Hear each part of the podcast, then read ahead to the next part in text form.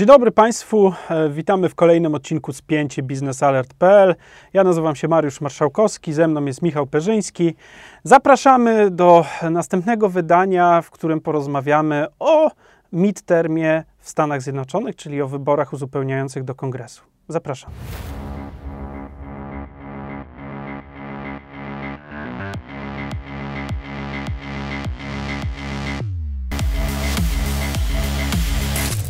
Szanowni Państwo, zbliżają się wybory do amerykańskiego kongresu. Bardzo ważne wybory w kontekście tego, co się dzieje nie tylko w rynku, na rynku energetycznym, ale także w wymiarze polityki zagranicznej Stanów Zjednoczonych, w tym również e, dotyczącej wojny e, na Ukrainie i relacji z Rosją. Michale, e, ty śledzisz rynek amerykański, obserwujesz to, co się dzieje za wielką wodą.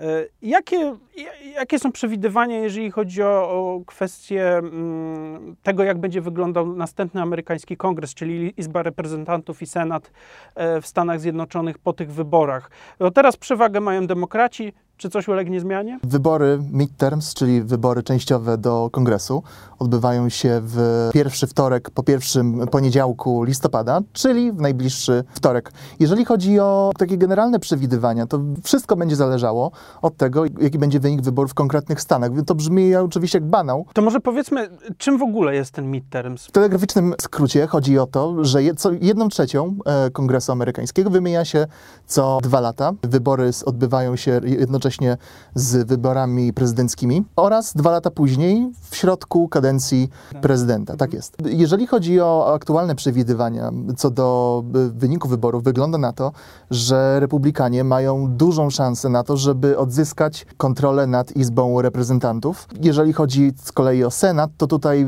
wygląda na to, że wyścig będzie o wiele bardziej y, wyrównany. No tak, bo teraz zresztą też jest bardzo równy, bardzo wyrównany ten skład Senatu. Przypomnijmy, prawda? że obecnie kontrolę nad Izbą Reprezentantów sprawują e, demokraci, praktycznie rzecz biorąc nad Senatem również, dlatego że e, zarówno e, demokraci, jak i republikanie mają po 50 senatorów w 100 miejscowym Senacie i w takich sytuacjach, kiedy dochodzi do patu i kiedy jedna partia wszystkimi swoimi głosami głosowałaby za czymś, druga przeciwko czemuś, głos rozstrzygający ma e, spikerka Senatu, którą jest wiceprezydent e, Stanów Zjednoczonych Kamala Harris, która w takich sytuacjach ma prawo rozstrzygać głosowania. To można powiedzieć, że w tej kadencji działało to różnie, dlatego że duży plan e, klimatyczny e, Joe Bidena został praktycznie zawetowany przez jednego senatora demokratycznego, Joe Mancina z Virginii, który w dużej mierze no, właściwie sprawiał no, problemy jeżeli amerykańskiej administracji. Więc jeżeli jeżeli uda Czyli się... demokrata, ale... Demokrata z nazwy, prawda? Jak to, jak to mamy, jak mamy republikanów. Nie wiadomo, czy demokratom uda się w ogóle utrzymać Senat, a z dużym prawdopodobieństwem stracą Izbę e, Reprezentantów. To jest o tyle ważne, że bez zgody kongresu, administracji Joe Bidena, będzie bardzo trudno realizować swój e, program, jeżeli chodzi między innymi o e, energetykę. Przypomnijmy, że sprawy polityki energetycznej, polityki klimatycznej są, no cóż, e, bardzo dużą kością niezgody, jeżeli chodzi o obie partie. Jakie są postulaty? Bo tu wspomniałeś, że plan Bidena dotyczący, dotyczący tej dużej transformacji energetycznej, zresztą mieliśmy takie za, zapowiedzi Jennifer Granholm, która mówiła na początku prezydentury Bidena o tym, że Stany Zjednoczone będą szły tą drogą Unii Europejskiej w transformacji, może bardziej taką, nazwijmy to liberalną, bo tam jeszcze duży udział energetyki jądrowej miał być, e, też bardziej liberalne podejście do kwestii gazowej.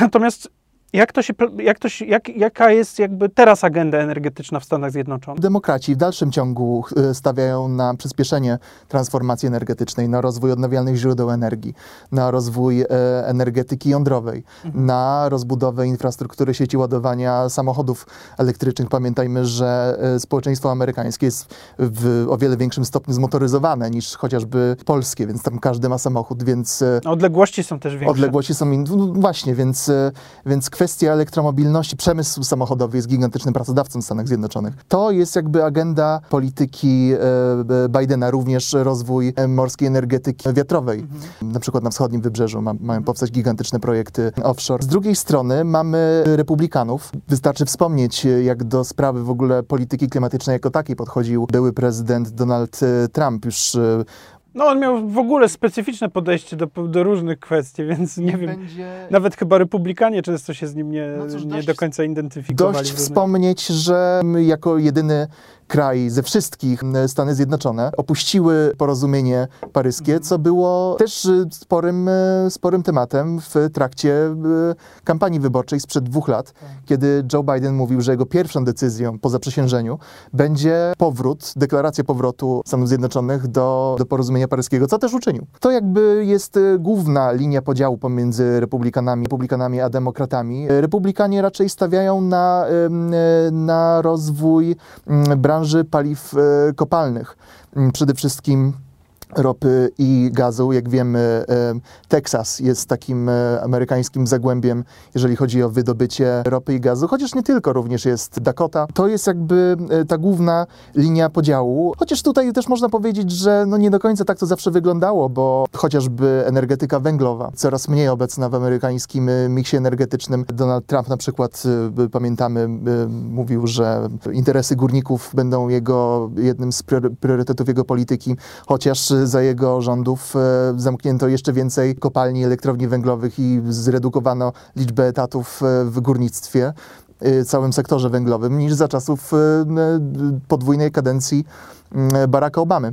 Więc, więc jakby to jest ta główna linia podziału. A jak wygląda kwestia kryzysu energetycznego? Czy on w ogóle, kryzys energetyczny dotyka w jakiś sposób Amerykanów i jak kryzys, kwestia kryzysu energetycznego wpływa na na ten dyskurs polityczny w kampanii wyborczej. Kryzys energetyczny ma potężne znaczenie dla e, amerykańskiej polityki, również e, w tych e, wyborach. Przede wszystkim ze względu na wzrost cen paliw, co jest dla Amerykanów wyznacznikiem jakby stanu gospodarki. Mm, ceny paliw na stacjach wzrosły. I cóż, w, w, kampanii, w, trakcie kampanii wyborczej modne były naklejki przyklejane do, do dystrybutorów z podobizną e, Joe Bidena wskazującego na e, cenę paliwa z podpisem ja to zrobiłem. Więc e, ceny energii elektrycznej również rosną. To jest rzeczywiście poważny, poważny problem. To zresztą przyczynia się do E, inflacji, która również e, jest jednym z głównych tematów e, obecnej kampanii wyborczej. Więc jeżeli Joe Biden będzie miał przeciwko sobie Izbę Reprezentantów i Senat, będzie mu już coraz trudniej realizować swoją agendę, dlatego że on może ogłaszać programy, na przykład inwestycji w to czy inne źródło energii, jednak to kongres decyduje o rozdziale pieniędzy na konkretne cele, a z tym może być trudno. No właśnie, i tutaj e, zresztą też w tym, w tym wymiarze były wprowadzone ostatnio nawet taka tarcza antyinflacyjna po amerykańsku, czyli 14 miliardów dolarów, które mają być przeznaczone właśnie na pomoc we wsparciu tych, tych najuboż, najuboższych i średnio zamożnych Amerykanów, czyli nawet Amerykanie kopiują niektóre rozwiązania polskie. europejskie, choć polskie tak, chociaż by się wydawało, że w Stanach Zjednoczonych ten rodzaj wsparcia no, w zasadzie wcześniej by Y, nie występował. No dobrze, ale teraz y, przejdźmy do tematu bardziej globalnego, czyli mm, Dużo się mówi o tym, zresztą też w wymiarze pomocowym e, Amerykanów e, dla e, Ukrainy. Amerykanie przecież są największym donatorem wsparcia, jeżeli chodzi o kwestie zbrojeniowe, kwestie szkoleniowe, rozpoznania i tak dalej, jeżeli chodzi o, o kwestie wojny czy wsparcia Ukrainy w wojnie przeciwko Rosji. Yy, widzimy też pewne działania już wyprzedzające, zresztą przyjmowanie pewnych pakietów, zresztą rok, znaczy rok budżetowy yy, w Stanach trochę inaczej wygląda, zresztą nie wiem, czy już się zaczął nowy rok yy, fiscal year, czy, czy, czy on się chyba kończy, a dopiero jakoś w marcu się zaczyna, prawda? I, i jak będzie wyglądało potencjalne wsparcie Stanów Zjednoczonych w przypadku, gdy do, do, do, do, do władzy dojdą w obu izbach, czy, czy w jakiejś izbie e, amerykańskiego kongresu e, republikanie. No cóż, no to jest właściwie jeden z największych znaków zapytania, jeżeli chodzi o e, nadchodzące wybory. Wiemy, że mm, pod rządami demokratów którzy zresztą przez republikanów przez wiele lat byli oskarżani o e, bycie miękkim w stosunku No do właśnie, Rosji. no bo to zawsze pamiętam, dla mnie był taki wyznacznik, republikanie. To są ci Reagan, jastrzębie.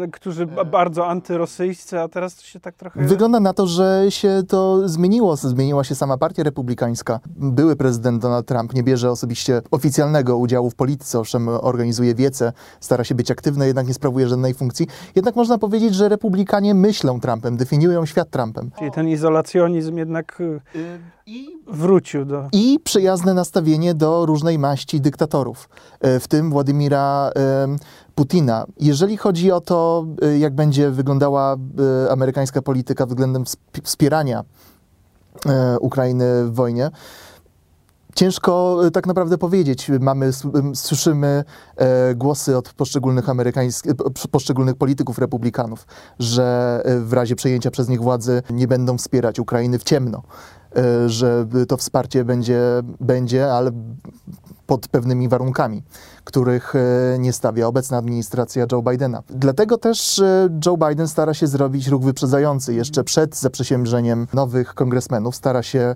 e, będzie się starał przepchnąć potężny, wart bodaj 50 miliardów dolarów pakiet pomocy wojskowej, humanitarnej, gospodarczej dla Ukrainy, ponieważ wie, że w przypadku przejęcia kongresu przez republikanów z tym też, z tym też byłoby ciężko, bo jak wiadomo, o pieniądzach decyduje kongres.